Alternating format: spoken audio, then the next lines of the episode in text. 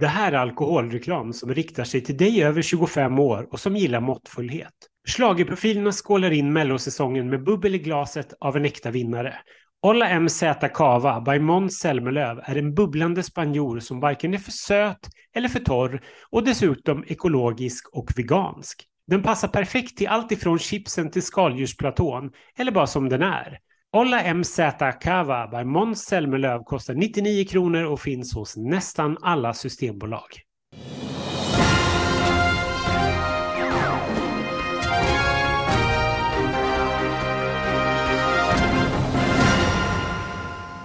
Hej allihopa och välkomna till QX Schlagerprofilernas podcast. En podcast som nu har tappat den tunga manteln av gammal Melodifestival och ägnar sig helt åt ny fräsch Melodifestival, nämligen Mello 2023. QX Schlagerprofilerna är som alltid jag som heter Ken Olausson och Ronny Larsson. Då var vi igång. Hur är peppen inför Mello 2023? Nu ska vi ut och åka igen för första gången på ganska länge. Jo, men den är stor. Alltså, jag har varit otroligt peppad hela veckan och, och till och med förra. Det har vuxit upp steg för steg, speciellt under QX schlagerplåtning som jag har pillat med eh, senaste månaden och nu är den alltså ute i, eh, ja, idag, den onsdag, eh, den första februari. Så det känns ju jättekul. Eh, men jag är jättepepp. Jag är pepp och nervös för att det här är ju en väldigt bra deltävling tycker jag på pappret med flera artister som jag verkligen gillar. Så jag hoppas verkligen att eh, det kom min väg. ja, men jag, är, jag är precis med dig också. Den här, eh, jag känner att det här har allt. Det ska bli jättekul. Jag får vara på hemmaplan igen. Ni får, ska komma hit. Vi ska få se det med en, eh, ett fullsatt arena för en gångs skull. Det var ett tag sedan eh, vi gjorde det på en deltävling 1. Eh, det jättesvårt att gissa hur det ska gå. Det är låtar som jag tycker är bra. Jag är jättespänd på att se rep. Eh, supertaggad, också jättesupertaggad att få hänga med dig och prata om och spekulera i hur resultatet ska bli och inte bara snacka om eh, saker som redan har hänt som vi gjort i de tidigare poddarna. Eh, det ska bli svinkul. Jag är så taggad. Jag vet inte riktigt, vi ska börja de här poddarna som vi tänker försöka släppa varje onsdag. Där kommer vi Eh, prata lite om veckan som har varit. Det kommer vi inte göra i den här podden då, för det här är ju första veckan som ni vet. Men vi kommer också blicka lite framåt på helgen som kommer och vi kommer att fiska upp eh, lite från ute i Europa också så att vi inte helt missar vad den här tävlingen egentligen är till för. Eh, jag vet inte riktigt vart vi tänker att vi vill börja. Ska vi börja med att lyssna på vad du och jag sa om låtarna efter den första lyssningen eh, som var igår tisdag?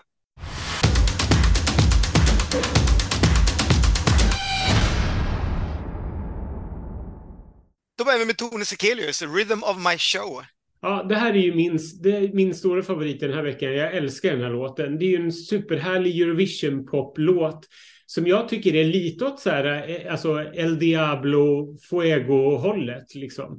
Den, är, den är lite mörkare, inte lika direkt, alltså så här enkel. Men det är ju en riktig så här pop, eh, modern popslager-grej som hade plats i mm. Eurovision vilken gång som helst. Och det, det svåra här är ju att så här, tonen ska se inbjudande och varm och härlig ut som hon gjorde i My Way och inte bara se cool ut för då kan det bli väldigt hårt och då kan det falla platt och då blir det en jag, jag börjar bäva redan för att den här turnén blir liksom en 2006 när allt, allt mitt bra bög hbtq hamnade femma. Lex Epimon, jag tar det jag vill ha, kalla nätter och så vidare. Och så vidare. This woman med Salin vill jag inte räkna in där. jag, är lite oro, jag är lite orolig för det här. För jag, jag, när, jag tror att det, när jag tycker att det är bra så tror jag tyvärr att det kan att det, att det misslyckas. Det går aldrig riktigt min väg liksom. Jag tycker också det här är den bästa låten den här veckan. Eh, ja, ja, men det är klart man inte vet hur det är. Det är ju det är ett litet hopp att gå från eh, Pride, eh, Pride, nu är det härlig Karlskrona där, Pride-aktivist eh, 2022 eh, till sexig spansk diva eh, 2023. Men å andra sidan, man kan inte hålla på och bara vara Pride-aktivist som, som musikstil. Man måste ju landa någonstans. Jag tycker det är otroligt häftigt och oväntat att det är den här vägen som Tone väljer att gå. Hon lyckades ju förra året med någonting eh, när, när, vi inte alls kanske trodde på det från början. Jag tror hon kanske gör det igen, eller jag hoppas det i alla fall. Jag tycker det här är jättehärligt. Jag tycker det är en jättekul start. Och som sagt, om hon bara sätter det här och gör något härligt dansnummer, vi kanske inte ska förvänta oss Chanel av någon, skulle jag säga, i något land i Eurovision i år eller i, i någon uttagning. Men eh, herregud, vi har ju inte haft någon sån här Fuego-ish grejer i Sverige. Jag tycker det är svinkul att det är här och att vi har hittat en artist som vill göra det.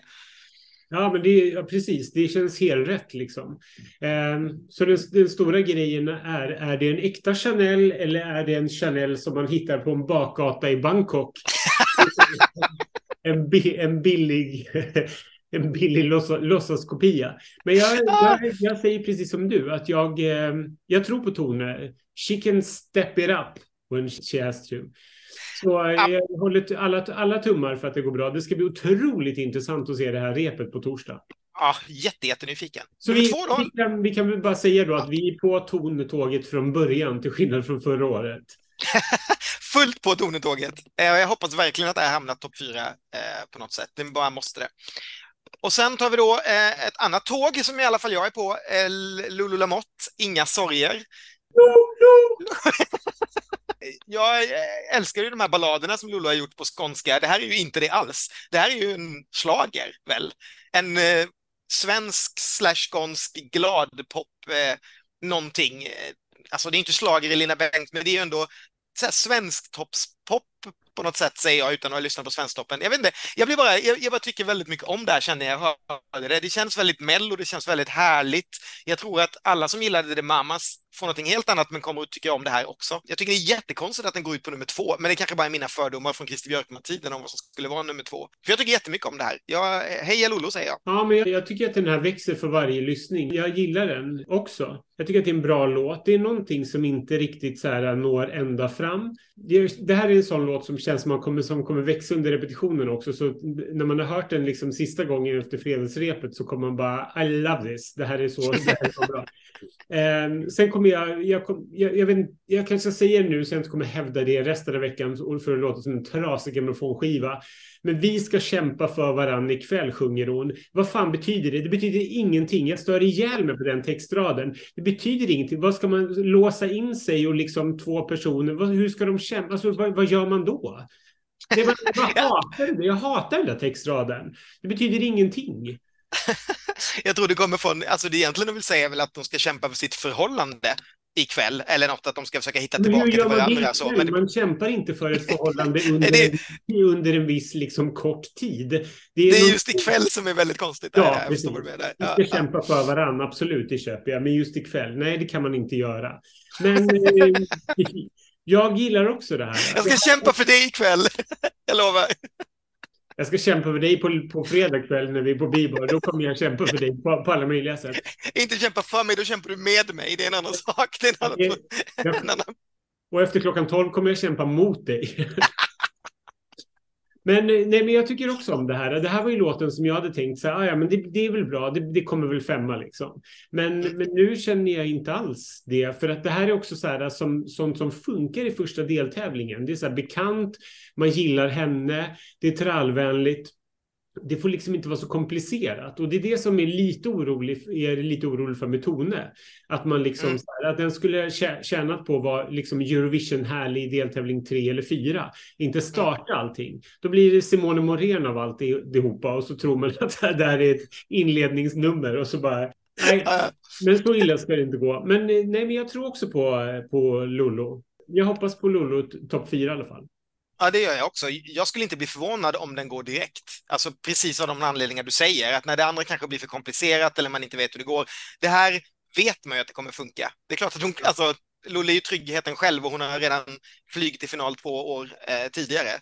Eh, så att, ja. Samma sak där, men det handlar om förpackningen. Vad kommer hon mm. göra på scenen? Står hon i en stor aftonklänning och sjunger den här låten utan någonting som händer på scen så kanske det inte blir så kul. But you never know. Lolo är i alla fall charmen själv. Vi går vidare till melodi nummer tre.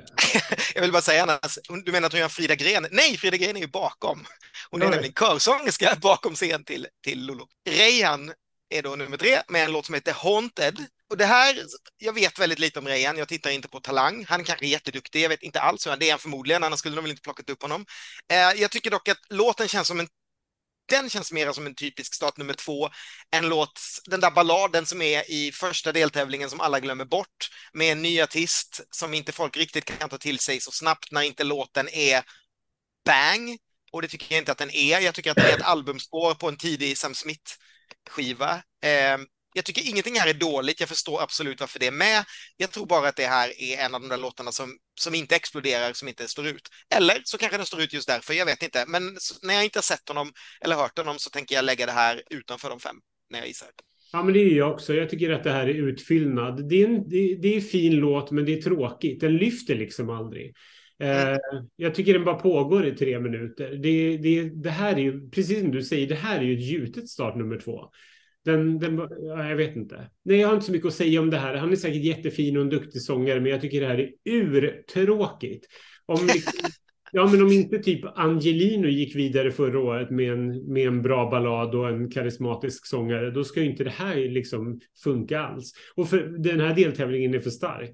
Nej, det mm. blir fortsatt eh, tråkig resa för Mattias Andreasson och Albin Jonsén i mellosammanhang. Yes, men då stoppar jag in dig i en Amazon istället och skickar dig till bidrag nummer fyra som heter Raggen går med Elof och Benny. Jag känner att det här direkt är din tekopp. Ja, men det här är min tekopp. Jag tycker att det här är jättehärligt. Jag blir jätteglad över att de är med. Det är alltid kul, det har vi sagt förut också, när man plockar med ett aktuellt hitlistenamn. De har ju haft en superhit tillsammans med Sofie Svensson i Bubbel på balkongen. Och jag tycker, det här är ju, det här är ju inte epadunk, det ska vi säga först och främst. Utan det här är ju mer schlagerpop i så här Linda Bengtzing-skola i raggarkostym kan man väl kalla det för. Jag tycker, att, mm. jag, jag, tycker att den är tydlig, den är klockren, den har ett bra driv. Eh, jag tror att barnen kommer gilla det här, för det känns som ett nummer som, där det kommer hända saker. Jag tror inte att de kommer stå stilla på scenen i en aftonklänning direkt. Eh, så, nej men det här, jag vet, jag har svårt att placera det här. Det kan bli pajigt och det kan bli lite lökigt. Men det finns också en otroligt stor kärlek för, för den här typen av musik. Och vad som än hände med tekniken i första programmet förra året så gick ju ändå Hallabaloo till Andra chansen. Och det här är ju in, det här är inte Hallabaloo, men vad jag menar är att så här, det är brett och det är folkligt och det är så här, enkelt att ta, att ta till sig liksom och trallvänligt. Så jag, jag tror verkligen på det här. Jag skulle inte bli förvånad om det går raka vägen till final. Jag skulle heller inte bli förvånad om folk bara, nej, det blir femma. Mm. Liksom. Mm. Nej, för det är precis däremellan jag är också. Alltså det, det här Drängarna, det vet du, Sannex som har varit. Jag tycker det här är en mycket bättre låt. Jag tycker också det här är ganska härligt. Eh, så, men, men den typen har ju lite setts ner på av folk och kommit väldigt dåligt. Eh, ändå, eller ja, det vet du kommer väl inte väldigt dåligt och inte Drängarna heller, de var i andra chansen, men det har inte gått hela vägen, det har inte liksom smält så som man kan ha trott, så det, liksom, det känns som det har funnits någon sorts, det är inte på riktigt, då röstar vi inte på det, alltså den typen av, och för den delen Bengtzing också. Sen samtidigt, jag menar, det, det är inte jättelångt från Samir och Viktor och den typen av eh, låt heller, och de har ju å andra sidan gått hur bra som helst. Så att det, det är ju någonstans där. Det ska bli väldigt kul att se. Jag hoppas att det här funkar för att jag vill att den här typen av musik ska få plats i Melodifestivalen fortfarande. Den, den, den är, det är väldigt mello alltihopa tycker jag mm. med det här. Um, men jag, jag, är med dig, det ska, man vill ju se det först, men jag, det är också en sån här direkt till final. Ja visst, jag står upp och jublar. Eh, femma, nej jag blev inte jätteförvånad. Alltså det, det är verkligen hela vägen däremellan. Eh, plus att jag aldrig har sett dem live heller, så det ska väl också bli kul att se hur det fungerar. Nej, precis de verkar otroligt sköna. De var ju med på QX-plåtningen härom, härom veckan och det var två jättesköna snubbar som glatt poserade på en gaybar i Stockholm. och, eh, jag håller verkligen, jag håller tummarna för el och vi ska verkligen säga B nu också så att inte folk bara börjar uttala det Ben nu, för det är verkligen B nu. Och det är hans smeknamn. Vem är Elof och vem är Benny? Som vi säger. Det kan vi utreda lite senare. Nu när man precis har lärt sig Björn och Benny menar jag. Då är vi låt nummer fem va? Victor Krone, Diamonds. Ja, det här, är ju inte, det här är inte riktigt min påse. Jag tycker att det här blir bättre och bättre när man lyssnar på det. Eh, jag fattar ju hela grejen. Det här är ju så här, för mig är det här så här radioskvaligt. Det är, bara, det är så här skönt i bakgrunden, men det ger mig liksom ingenting. Det är inte så att jag står och skriker hit. Eller jag bara, gud, raka vägen till final. Utan det, är så, det här är ju liksom så här urtypen för det hållet som Mello är på väg tycker jag. Så här, att man satsar på radioskval. Det här är ju ingen superhit på Spotify, tror jag. Eller hur? Utan jag känner bara så här, det här är så här, Riks FM, bra liksom, det är absolut inte dåligt. Det är bara inte min påse. Jag sorterar in det här i liksom den stora Andreas Jonsson-familjen. Jag hör att, att straighta människor tycker om det här, men jag, det här, nej.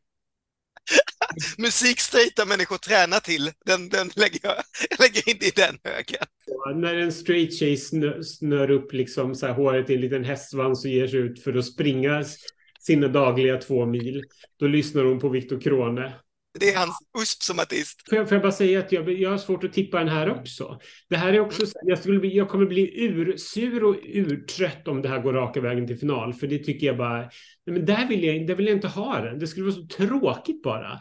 För det kommer inte, så det kommer inte göra någonting. Det kommer bli en åttonde plats i finalen, typ, ish, tänker jag. Det kommer mm. verkligen göra till eller från. Men jag blir inte förvånad. Men ja, ja, Nej, för jag skulle vilja säga det. Alltså främst, det jag tänker främst där, visst, det här kanske är radio, det vet. Radio är det ju väldigt mycket. Spotify, ingen aning. Träningsmusik, ja. Men vad det inte är, är det ju en Melodifestivalvinnare eller ett, en Eurovision-låt. Det är ju alldeles för blekt för det. Mm. I alla fall inte en svensk sådan, möjligtvis en, en estnisk eller en litauisk. Um, men, men det är ju, det bara är på något sätt. Uh, och det är, det är lite synd kanske. Men uh, jag, jag håller med precis allting du säger. Jag blir inte förvånad var den hamnar, men den tar verkligen den skulle bli, för att knyta ihop till en podd vi just har släppt, David Lindgren 2013, lite så här att ja, men, det är så här, det bara är och så ja. går det till final och så bara tar den plats. Det är den musiken David Lindgren var då, det är den musiken som det här står för nu. Alltså musik som bara är, fast det är inte någonting extra. Eh, Helt rätt. Gud vilken, gud vilken bra analys. Det vill jag jobba mer med. men du, vi kör väl, säger jag då. eh, ja, men då ska jag släppa lös dig på den här istället. Länge lever livet med Eva och Eva. Vad säger vi här då? Men nu har jag god lust att lämna den här bildrutan. Alltså det här, är, det här är det värsta jag har hört i Melodifestivalen på väldigt länge. I och för sig, jag brukar alltid hävda att så saker som är tråkiga är, är sämre än saker som är dåliga. Men det, här är, det finns så mycket som är fel med det här. Det är så obegripligt att det här är med. För det första är det liksom så här, det här var ju en one trick pony som funkade 2021. Jättekul med tanterna som ställde upp med den här trallvänliga rena rama ding dong, gick till andra chansen, höll på att ta sig till final och fick en barnhit. Jättekul. Det var, det var mindre kul förra året när de var pausnummer och gjorde exakt samma låt fast i ett eurodisco-tempo. Ja, ja, vi är jättetrötta på den här låten. Och sen dyker de upp i Melodifestivalen 2023 med ett jävla revynummer med ett, med ett step break Alltså vem är det, den här musiken för? Det här stör mig så otroligt mycket, för det här är när SVT har noll koll whatsoever. Vem plockar med det här? Är det juryn så, har de ju, så ska ju hela juryn diskas. För då har de inte gjort sin, sitt jobb. Är det SVT så förstår jag liksom inte vad, poäng, alltså vad är poängen. Vilken roll fyller det här? Varför vill man se Eva och Eva i Melodifestivalen igen i ett sånt här nummer? Det är liksom inte slager, det är, det är inte kul show, det är bara trött. Alltså ingen regn på Eva och Evas parad. De är jätteduktiga artister. Det här gör ju ingen glad. Gud vilken skitlåt. Sist, mm. sist. Usch vad irriterad. Jag är så irriterad på att det här är med. För det här har tagit liksom en viktig annan plats för någonting som hade kunnat betyda någonting eller hade kunnat liksom gjort Eurovision-fans glada eller Mello-fans eller schlagerfans. Istället blir det musik för ingen. Vem ska rösta på det här? Mm. Nej, men precis. Det, det, är det som är det... Vem? det är väl det som är det största problemet med det här, att det inte ens är liksom JJ Johansen. Gud vad jag gör referenser till vår podd, som ni kan hitta på poddplattform. För att den är ju inte för någon, den är ju, den är ju konstruerad på något sätt, för de har ju liksom inte någon musikstil på det sättet heller. Alltså jag är alltid för att artister som det går bra för ska få komma tillbaka. Och det är väl klart att det ska gälla alla åldrar och kön, men man får ju ändå kanske då då gäller det ju alltid regeln att man ska komma tillbaka med någonting bättre, försöka slå sin förra position, gärna göra någonting kanske likadant fast ännu bättre eller ja, men sådär som vi alltid pratar om. Och här är ju ingenting av det. Det här känns mer som att, som jag skrev det också på Instagram, att det känns som att de fick ett frikort när det gick bra för dem 2021 och de var tvungna att lösa in det nu 2023, för sen går det ut. Så här, liksom presentkort som varar i två år. Så de var tvungna att liksom casha in den innan 2024 för då var det kört liksom. Och då hade man ingen låt och så slängde man ihop det här. Nej, jag förstår inte heller, för jag menar, det är inte så att äldre människor lyssnar på den här typen av musik. Det, det är bara det är bara något som man kanske tror. Alltså jag, nej. Och barnen kommer ju ändå rösta på el och B nu. Så att nej, det här är väldigt, väldigt konstigt. Det är också så fel deltävling. Liksom så här, det är ju på el och kortet som är så underhållning, men som är tusen gånger fräschare och roligare. Och sen så är det här med i samma deltävling. Det förstår jag ingenting av liksom. Nej, jag tror att i alla fall vi kan räkna bort den från eh, andra chansen i år i alla fall. Jag har svårt att tänka mig att det ska bli röster över till Eva och Eva när det väl sätter igång. Jag ger den här låten två överkorsade steppskor. Jag slår, ett, oh, jag slår ett slag för Likids låt Kiss Me. Hitta den på en gammal Likid-skiva. Eh, en gammal Likid, det finns bara en. Eh, ni kan lyssna på den där. Det är en favoritlåt i samma stuk som är mycket bättre.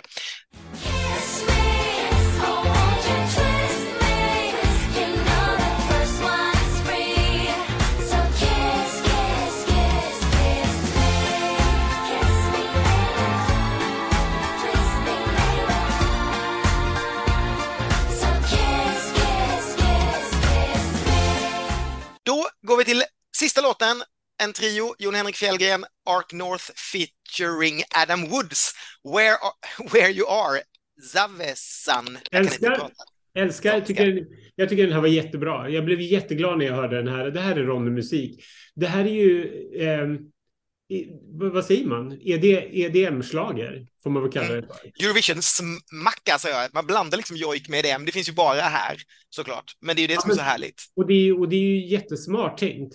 De stora frågetecknen här är ju hur kommer det se ut på scen med de här andra två snubbarna? Jon Henrik har ju, han, vad säger man? Han har ju ett flow just nu utan dess like med tanke hans eh, Stjärna på slottet medverkan. Där man, alla som har sett det programmet kommer ju rösta på honom för man bara känner fan vilken underbar kille som förtjänar så mycket fint i livet.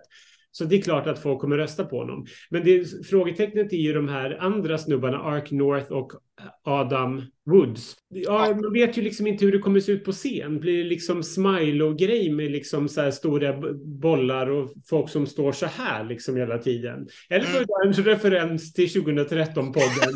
Blir det Kajsa mammadans på till det här. Precis, jag tänkte också. För, för, styrkan här är ju Jon Henrik. Men, men alltså, låtmässigt tycker jag att det här är jättebra. Jag vill lyssna på det här om och om igen. Det är så bra driv, bra tryck, det känns modernt. Det är jättefint med det här vemodiga dans eh, den här vemodiga danslåten och hans vemodiga jojk över. Jag tror att det här är mest gjutet till final den här veckan. Det, de ska, det ska mycket till för att de ska schabbla bort det här och att det ska misslyckas att ta en finalplats. Ja, musikaliskt så, så har det också det här varit mitt starkaste kort. Det handlar ju precis det allt du säger, att det handlar ju bara om hur det ser ut. Det får inte se liksom pajigt ut eh, när man gör det. Men jag tycker det är ett väldigt smart sätt att få tillbaka Jon Henrik på ett sömlöst sätt in i Melodifestivalen och sätta ihop honom med EDM. Det, det gifter sig väldigt, väldigt bra. Det har ju, de har ju för övrigt en av favoriterna i, i Norge är ju också en jojk inblandad i en eh, epadunk-låt där då, om vi nu ska använda svensk referens där. Så det, det är en liten trend och väldigt smart.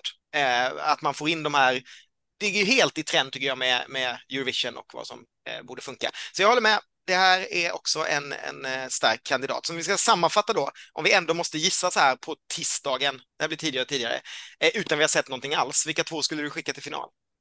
Om, mm. och tror, inte tycker, för det vet vi, har vi ju pratat om. Det här, det här är ju jättesvårt. Alltså jag, mm. jag får panik. Jag vill bara låta dig ta över det här och säga, så, lugna, lugna mig och säga att det kommer gå bra Ronny. Jag vill att du stryker mig över håret och säger att Tone blir eh, topp fyra.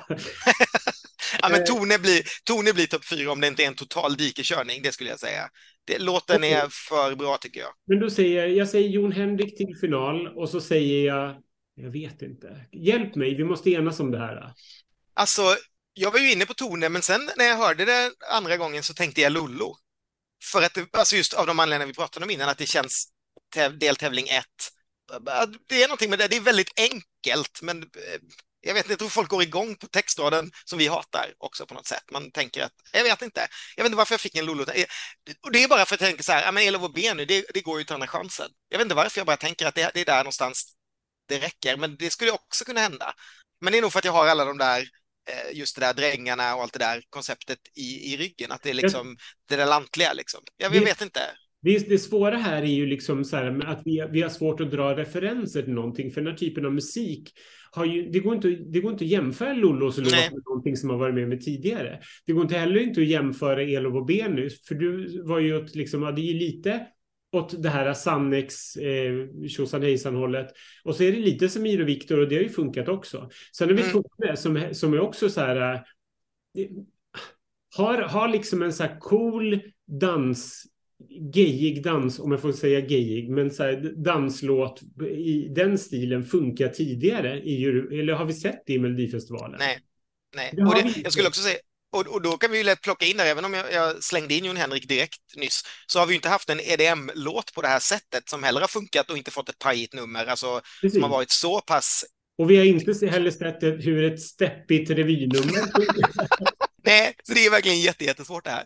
Um... Så, så, det är ju jätte, det är jättesvårt. Allting handlar ju om hur det ser ut på scen. Då kommer det gå upp mycket tydligare. Men om jag ska säga just nu då, så, säger vi ändå, så tycker jag ändå Jon Henrik känns mest trolig liksom. Mm. Mm. Um, och så säger jag väl... Uh, jag säger Elof och B nu. Mm. Så kan du men säga Lollo. Ja, men då säger vi... ja, men då sätter jag Lollo där istället då tillsammans med Jon Henrik och sen så och Benny och Tone då till andra chansen. Men eh, jag hoppas att det kommer ändra mig när jag har sett det, för vad jag vill är nog att jag vill ha Tone och, eh, ja, men Tone och Jon Henrik till final och så Lollo och Elof och Benny. Andra chansen skulle funka för mig.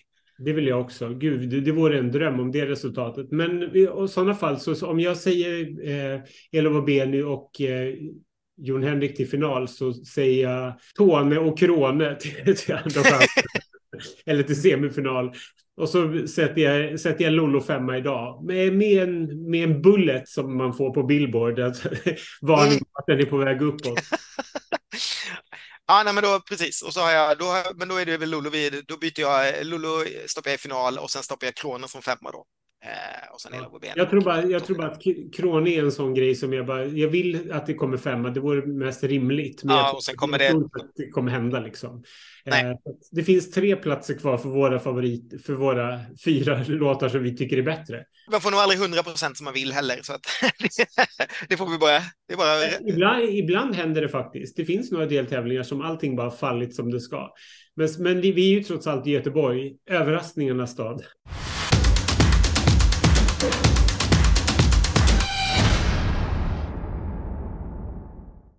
Nu har, nu har vi ju tippat vad vi tror efter första eh, upplysningen. Eh, och jag har inte kollat in vad någon annan tycker. Eh, men jag tänker att så här, Svenska Spels tankar efter första uppspelningen eh, de tror ju mest på Viktor Kron och, och Jon Henrik Fjällgren som ger 2,01 tillbaka. Annars är det Elof Obeni och Jon Henrik Fjällgren eller Tone Sekelius och Jon Henrik Fjällgren i, i den skalan. Liksom. Så Jon Henrik som vi tippade då direkt i final är ju en ganska gjuten finalist enligt Svenska Spel. Mm.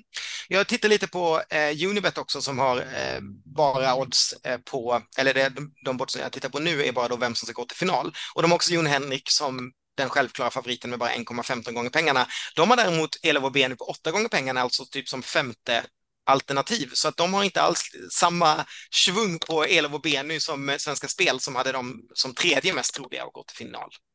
Kul för Krone att få vara eh, andra tippade. Det är han ju inte i Schlagerprofilernas podd som ni hörde precis. Eh, så kul för honom att man tror på det. Ja, det är ju det. Det är svårt att, att, prata så mycket mer om, eh, om vad som kommer att hända, men jag vet att du har ju träffat några av eh, deltagarna som kommer att vara med i helgen. Ja, precis. Eh, under QX-plåtningen så träffade jag vår, en av våra covergirls, eh, som är självklart då Tone Sekelius, min stora favorit den här veckan, eh, och pratade lite grann om det var självklart om att ställa upp i Melodifestivalen igen efter succén med My Way och så vidare. Så jag tänker vi hoppar över till vad Tone har att säga om det. Var det självklart att ställa upp i Melodifestivalen året efter med tanke på att det gick så bra? Eh, ja, det var det, för jag tycker det var så jävla kul. Det enda kriteriet jag hade var att jag ville ställa upp med någonting som inte var som en uppföljare. Jag ville ha någonting som är lite different. Um, så när jag kände att vi fick till det, då kändes det väldigt självklart. Mm. Och beskriv låten lite grann. Uh, den är... Um, jag tror att jag beskriver det, alltså, såhär, både My Way och den här är lite såhär, confidence boosting, men jag tror att de det är på väldigt olika sätt. Um, den här är mer typ self-love type of jag är bäst, typ. um, och det vill jag att man ska känna när man hör den. Jag känner mig väldigt så fylld av confidence när jag sjunger den. Jag vill att när folk hör den första gången ska känna samma sak. Att man liksom vill dansa och känna att man är grym. Mm. Om man har hört låten som jag har gjort, den är ju ganska så här kaxig och cool. Mm. Kom, är du rädd för att skrämma bort folk med tanke på att förra numret var så varmt och öppet och publikfriande? Mm. Det var någonting som, eller det är någonting som jag fortfarande är nervös över. För att om man vill Alltså ofta när man vill ha en liten coolare touch typ så kan det väldigt lätt bli att man hamnar i ett svårt fack. Så att Um, jag var väldigt noggrann med det på vårt första möte, att säga jag vill ha någonting som är lite coolare, men som inte blir... Jag vill inte skapa en distans mellan mig och tittare och publik, liksom. Utan jag vill att folk ska känna sig som en del av det coola och inte som att man kollar på någon som leker cool. um, så jag hoppas att det kommer komma fram. Mm. Och jag tror att det viktigaste här är också att numret får liksom, den får tala för coolheten. Jag behöver inte se så cool ut i ansiktet för att numret är coolt. Så att så länge man är ja, men glad, inviting och bara liksom bjuder in folk till att festa med en istället för att festa med, på scen ensam. Mm. Då tror jag att det kommer funka. Det känns som du lägger ganska mycket fokus vid hur, ja, men hur du är klädd och din stil och så. Alltså hur mycket tänkte du innan du satte igång med det här numret klädmässigt och hur har du tänkt? Jag tycker att, alltså, speciellt när det kommer till Mello så känns det som att det är en väldigt stor del av allt. Um, för att låten kan bli bra som helst, om numret inte är där så kommer man tappa ganska mycket på det. Um, så att på samma sätt här, jag vill ha någonting som är lite coolare. Sist var det väldigt glammigt, det var långklänningar och det var liksom väldigt stillastående lite grann och då fick kläderna tala för sig själv. Mm. Um, nu är det absolut någonting som är lite, lite coolare. Det är classy men coolt så att vi har verkligen hittat någon slags balans mellan allt tror jag. Mm. men ja, jag vet inte, jag brukar lägga ganska mycket vikt i, i det för att jag tycker att det är viktigt på samma sätt som resten av numret är viktigt. Mm. Finns det mer material klart och kommer det låta mer som Rhythm of My Show? Det finns absolut material klart, men det är... Jag tror att jag är i en fas där jag testar lite olika saker. Så att ibland har det blivit en jätteweird, så här, mörk ballad som jag bara, okej, okay, det här var fett, men det är något jätte, jätte-off liksom har släppt tidigare. Ibland har det blivit någon så här Avril Lavigne type of rock. Typ. Jag bara, vad fan är det vi håller på med? så jag tror att jag just nu är i en fas där jag typ utforskar ganska mycket olika sounds, vilket jag tycker, jag tycker är skitkul. Mm. Mm. Om du ska beskriva det vi kommer få se på scenen i första deltävlingen med ett ord, vad skulle du säga det är för ord? Attityd tror jag beskriver allting ganska bra. Mm. För attityd behöver inte vara svårt eller hårt. Det kan mm. vara attityd som bara är lite mer edge. Typ. Mm. Kommer låten passa i Eurovision? Absolut. Ja. Mm. Om du, har du någon favorit eh, från tidigare Eurovision-deltagande de senaste åren? Typ? Någon som sticker ut? Jag älskade den här, vad hette den? Klapplåten, så jag vet inte exakt, exakt vilket land det var. Hon som tvättar händerna. Ja, Serbien. Det var så jävla bra. Ja. Det var så jävla, jävla bra. Och jag, ja, det var nog den som stack ut mest på sistone, tror jag. Mm. Kommer vi få se Tone Sekelius tvätta händerna på scen någon gång? Man ska aldrig säga aldrig, men eh, inte på ett tag tror jag. Okay. vad, vad, lärde du dig förra året? Var det någonting som du bara, det här tar jag med mig inför år? Bra att veta och bra att ha i bakhuvudet? Ja, det, när man får, ja, vi får liksom kamera, alltså kameror dagen innan vi åker till Göteborg. Mm. Och det, jag gjorde liksom misstaget förra året var att när man står på scen och ska repa så, så tänker man liksom, okej, okay, man ser väldigt tydligt på när någon inte har typ repat tillräckligt på kameror och sånt. Mm. Vilket också är väldigt svårt för man får det så tätt inpå. Eh, så jag tror att lägga mer krut på kamera så att man slipper hamna i en jävla panik i början där. Där man här, ser väldigt rädd ut och måste gå in på hotellrummet och öva sönder så tappar man en dag liksom. Mm. Så att komma lite mer förberedd på kamera och um, jag vet inte, bara njuta mer av processen. För att förra året var skitkul men jag var också väldigt så nervös och lite övertänkande. Um, så jag tror att bara slappna av och bara njuta av allt. För det är över ganska fort ändå. Mm. Härligt! Gud vad jag älskar Tone och jag håller alla tummar och tår för det här. Oh, jag är så pepp på att få se hur det här ser ut imorgon så jag nästan dör. Eh,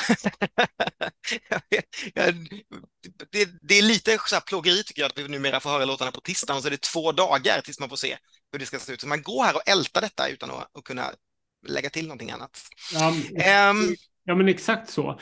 Eh, sen ska, ska, det ju sägas också att så här, en vi brinner ju också väldigt mycket för Lollo Mott. Eh, som, som vi har hängt med en del genom, genom åren, får man, får man väl säga. Hon är ju god vän med en av våra goda vänner och hon har ju också medverkat i en och annan schlagerstudio som ni minns. Så, så man håller ju en extra tumme för, för härliga personer. Det gör man ju alltid liksom. Och det är ingen, som det alltid är i mellosammanhang, det blir ju alltid jobbigt om, om en artist har en låt som man inte tycker om, men man tycker om artisten. Och som tur är så har jag, har jag bara en gås oplockad med Lollos låtskrivare och inte henne själv. jag, jag, är glad att jag kan embracea även eh, Lollos låt och, eh, och Lollo själv. Sen ska det ju sägas också att, att, ton, eller att Lollo faktiskt har varit med och skrivit sin låt. Men det, men det är alltså texten, ja. jag, jag embracear både Lolo och Edits låt den här veckan. Jag är jätteglad att hon är med, men jag håller med dig helt. Gud vad jobbigt det är när man verkligen känner så mycket för en person eh, och det inte går vägen. Usch, men det, det är nerver på en helt, helt annan nivå än när det bara inom citationstecken. Det är väl aldrig bara för dig och mig det här heller, men bara en låt som man håller på. Eh, eller så. Nej men, det är det, det, är det, nej, men det är det som är det svåra tycker jag med Melodifestivalen. För det finns ju massor med år som man liksom ena året har älskat en artist och den, dennes låt. Och sen kommer den tillbaka med, med en låt som man inte alls tycker om. Och då, då, gör, man, då gör man sitt bästa för att liksom så undvika den här personen. Och det är inte att de är så kontaktsökande heller, men jag är inte heller det, utan jag bara liksom så undviker den personen lite grann. Så var det när, när Molly var med med Universe som hade varit med flera gånger tidigare. Och man, hon hade varit med på Q-explåtning och det var liksom hej och hå, så här, var, var på Gaygalan och allting. Och sen ställde hon upp med Universe som jag tyckte var en fruktansvärt tråkig låt. Så jag bara undvek henne under hela turnén.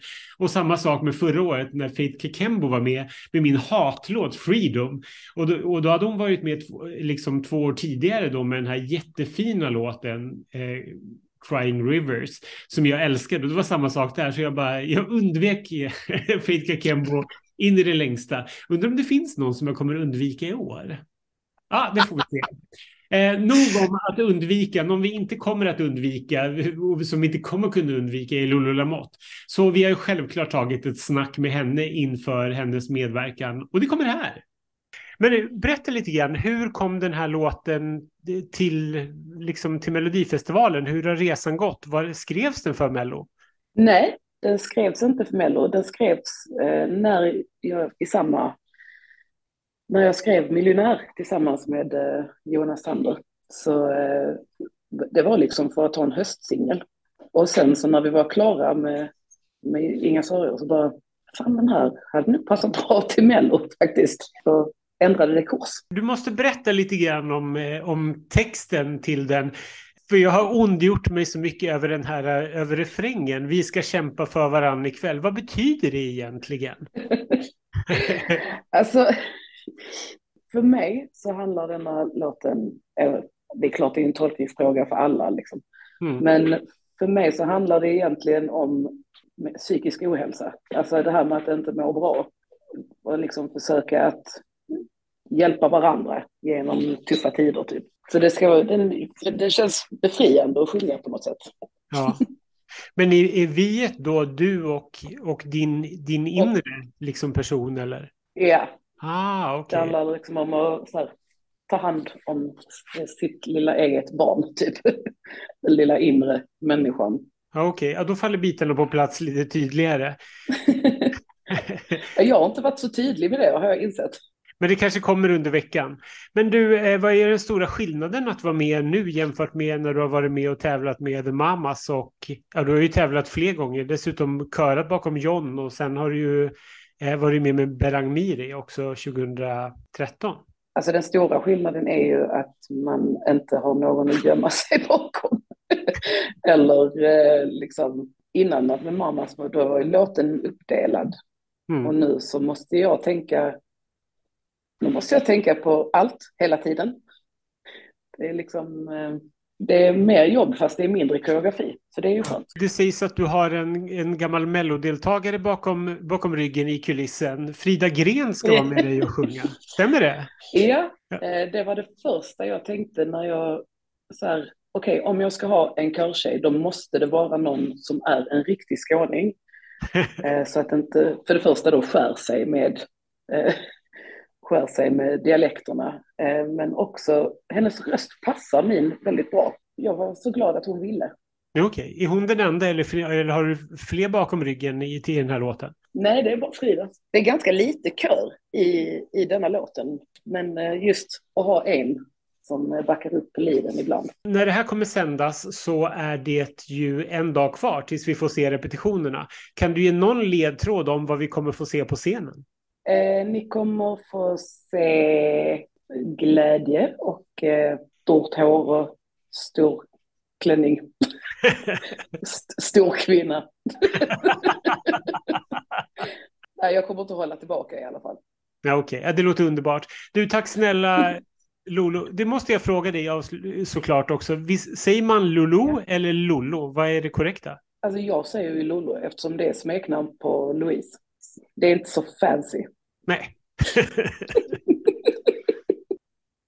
Härliga Lolo. Jag hade en fantastisk eh, dag i somras när hon var med på Liseberg, när vi satt och hängde med hennes familj hela dagen och drack vin och drack vin och drack vin. Inte Lollo dock förrän efter hon hade uppträtt. Men eh, gud, eh, otroligt härligt och jag håller alla tummar att det ska gå bra. Ska vi lämna Mello eh, en liten, liten stund och blicka ut i Europa eftersom vi inte har, vi kan inte, den här podden kommer ju bli lite längre framöver kanske när vi sammanfattar resultat, men nu har vi inget den här veckan. Så då kanske det är bättre att, att titta lite på Europa. Vad har du öronen i, jag på att säga, mest den här veckan? Jag har öronen mot, mot fjordar och berg den här veckan. Ehm, jag har ju sett alla de eh, norska deltävlingarna i Melodi Grand Prix. Urtråkig tv, urdålig tv skulle jag vilja säga. Det är helt ofattbart att norrmännen inte har lärt sig göra någonting bra av det här när de ändå har bra musik och du ändå skapar hits liksom. Jättekonstigt. Men det har gått ganska bra tycker jag. Så till skillnad från förra året då det var i, i princip bara massor, massor med bös och de här gula vargarna så har det ju varit ganska bra och härlig musik och musiken har funkat ganska bra på de norska hitlistorna också, i alla fall vissa låtar. Eh, min stora favorit heter ju Queen of Kings som är en eh, riktigt härlig Eurovision-russelåt eh, som ligger ganska högt på Spotify i Norge fortfarande.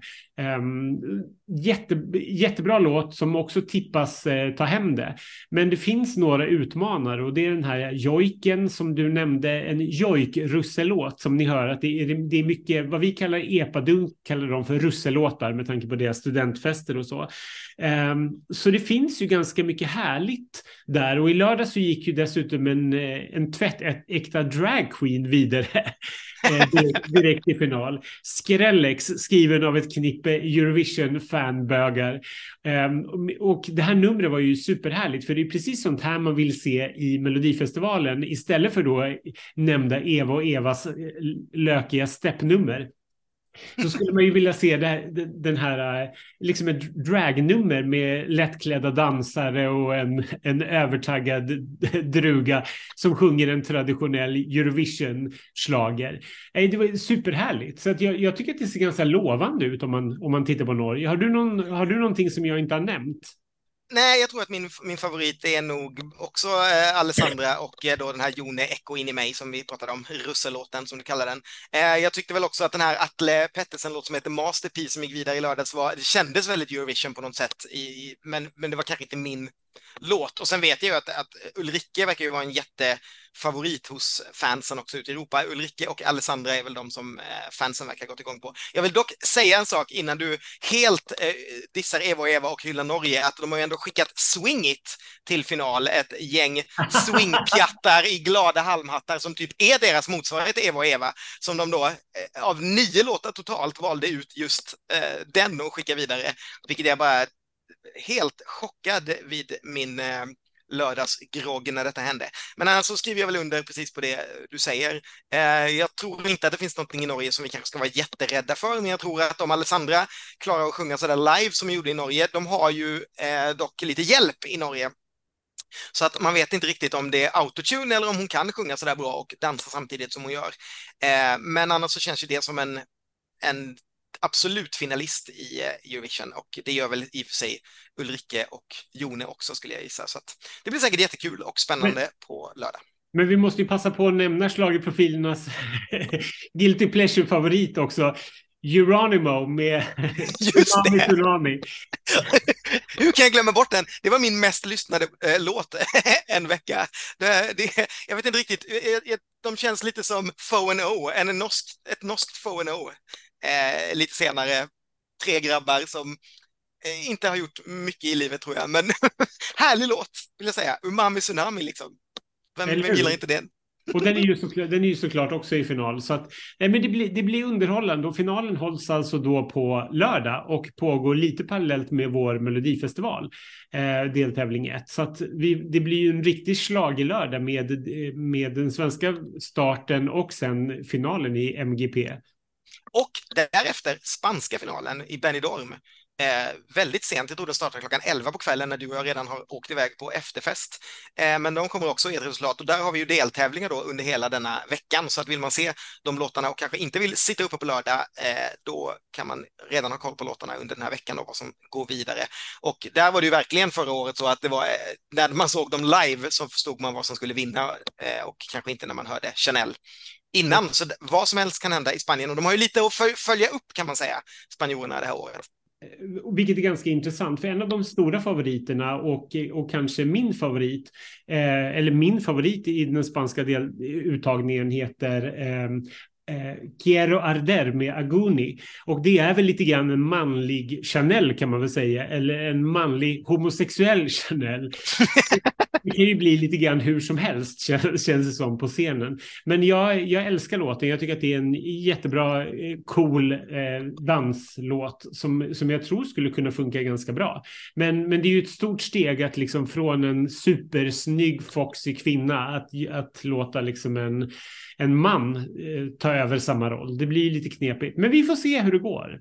Mm, ja, framförallt det skulle nu, nu kommer vi kanske inte kunna se det då eftersom vi ska iväg, men eh, jag rekommenderar det. Det var en väldigt härlig final förra året, ett väldigt eh, kul program att se och eh, ja, spanjorerna har lite luft under vingarna för sin eh, uttagning, så det blir säkert ännu större och ännu härligare i år.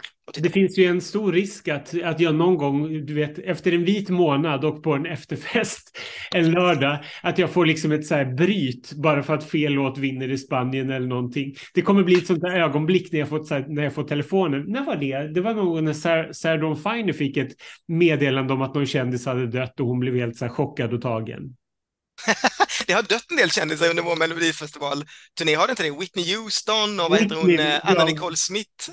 Whitney var det. Jag kommer, jag kommer inte ihåg Whitney-ögonblicket. Jag kommer bara ihåg att, det var, att folk var så himla chockade och upprörda. Mm. Um, jag, kommer, jag kommer mer ihåg Anna Nicole Smith. Då var vi i Göteborg, vet jag. Jajamän. ja, precis. Så jag kanske får ett Anna Nicole Smith-bryt. Nej, det, det, det fick jag inte. Men det blir kul i alla fall. Jag tycker jag älskar att det är igång på riktigt. Liksom. Det finns otroligt mycket att prata om, de här olika uttagningarna. Jag orkar inte riktigt hänga med i allting när våra, våra vänner pratar litauiska och albanska uttagningar och allting. Nej, det, släpptes tjeckiska bidrag igår till exempel. Och, och de, eh, de flög upp på oddslistorna för de hade eh, några låtar som eh, Eurovision-fansen kände att det här kan nog bli något. Och jag tycker också det lät ganska bra, men det kan vi ta när de har valt sin vinnare. Jag bara kopplar tillbaka till Spanien, den låten jag har plockat in på mina listor, det är en, hår, en ganska hård rocklåt som heter Arcadia med ett band som heter Megara. Jag vet ingenting om det, jag bara såg en sån här snabbt klipp. Det är ju väldigt bra det här om man vill få någon koll. Det finns alltid någon Eurovision-fan som har klippt ihop en lista åt dig. Du kan titta på 20 olika, alltså hundratals olika listor där folk har klippt ihop vad det är, vad det är som tävlar. Så får man en liten bild så kan man hitta sina guldkorn där om man inte orkar sig och gå igenom alla låtarna själv eller titta varje vecka eller så vidare. Men jag håller med dig. Jag håller mig också lite lagom distans. Det är kul att dyka in i det man vill. Jag längtar efter Italien. Jag försöker kolla på Spanien, Danmark och speciellt eh, Finland då, men jag tänker att vi tar upp Finland tror jag både du och jag kan orera om i eh, timmar, så jag tror att vi sparar det lite tills den veckan när Finlands final går av stapeln eh, i slutet på februari. Va? Ja, vi kan, väl, vi kan väl egentligen bara sammanfatta vad vi tycker om Finland med tre ord. Cha, cha, cha. Exakt, svårt att undvika och det kommer ni inte kunna undvika om ni kommer till Bibar på, eh, på fredag, för då kommer vi att köra en hel del hoppas jag från olika nationella uttagningar eh, eftersom vi inte får spela någonting från Mello. Korrekt. Korrekt och Munde. Ja du, ska vi knyta ihop den här podden? Eh, det är inte meningen att det här ska bli några 16 timmars poddar som de vi har gjort tidigare i år, utan det här ska vara någonting härligt och kort och en pepp inför eh, denna veckan. Då, eh, om inte du har någonting mer spännande att tillägga, så säger vi väl hej då för nu och glöm inte att följa med i bloggen och på qx.se och på Instagram och på alla möjliga kanaler eh, där vi finns så att ni får veta precis allting vad vi gör de här kommande dagarna. Yes. Det var det! Det var det! Tack för nu! Hej då! Hej då!